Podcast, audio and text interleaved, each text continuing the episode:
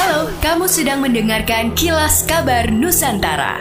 Podcast persembahan KG Radio Network menyajikan berita harian yang mengangkat keunikan dari berbagai wilayah Indonesia. Kilas Kabar Nusantara dapat juga didukung oleh pengiklan loh.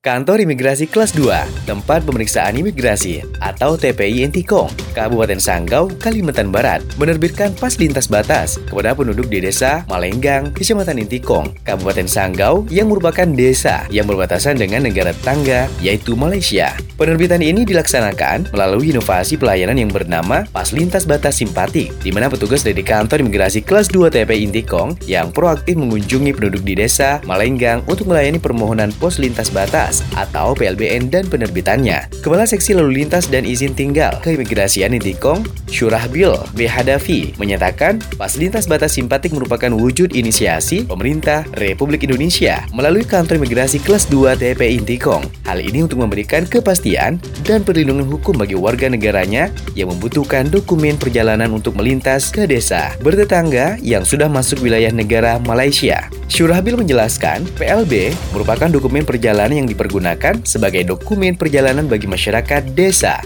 Desa berbatasan langsung dengan negara tetangga melalui perjanjian bilateral antar negara berbatasan. Penggunaan PLB di Kalimantan Barat ini juga merupakan hasil dari perjanjian bilateral atau perjanjian sosial ekonomi dan keamanan antar Malaysia dan Indonesia. Perjanjian sosial ekonomi dan keamanan antar Malaysia dan Indonesia. PLB berlaku selama 2 tahun dan dapat dilakukan penggantian asalkan tidak hilang ataupun rusak. Sobat Medio, podcast Beginu yang dibawakan oleh Wisnu Nugroho, pemimpin redaksi Kompas.com siap bekali kamu dengan obrolan penuh wisdom mulai dari Dahlan Iskan, Najwa Shihab, Jason Ranti, dan sosok inspiratif lainnya. Persembahan Medio Podcast Network by KG Media dan Kompas.com hanya di Spotify. Wali Kota Solo Gibran Rakabuming Raka secara terbuka menolak Kota Solo jadi wilayah pelecehan anggota JKT48. Gibran bereaksi setelah dirinya disenggol dalam kasus tidak senonoh usai JKT48 manggung di Depak Mall Solo yang terletak di wilayah Sukoharjo. Gibran mengunggah tiga postingan status di akun Instagram resminya at soal unggahan IG at Local Connect yang menyematkan berita foto di antaranya berjudul Tour JKT48 di Solo tercoreng insiden pelecehan saat menuju pulang.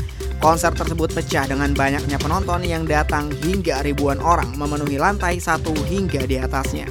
Saat dikonfirmasi, pihak mall masih melakukan klarifikasi perihal kejadian tersebut. Jo Aditya, Ria FM Solo. Ruang terbuka hijau atau RTH Kota Malang saat ini hanya sekitar 12 persen. Dan sesuai Perda nomor 4 2011, tentang rencana tata ruang wilayah atau RTRW, luas RTH minimal 20% dari luasan wilayah yang ada. Kepala Dinas Lingkungan Hidup atau DLH Kota Malang, Wahyu Setianto mengatakan pihaknya gencar menanam pohon di sejumlah wilayah agar mencapai target minimal 20%. Sesuai hasil uji kualitas udara yang dilakukan, DLH Kota Malang, beberapa waktu lalu kadar polusi Kota Malang masuk kategori sedang pada siang hari dan kategori baik pada sore hari. Wahyu juga mengatakan terdapat empat tingkatan kadar oksigen.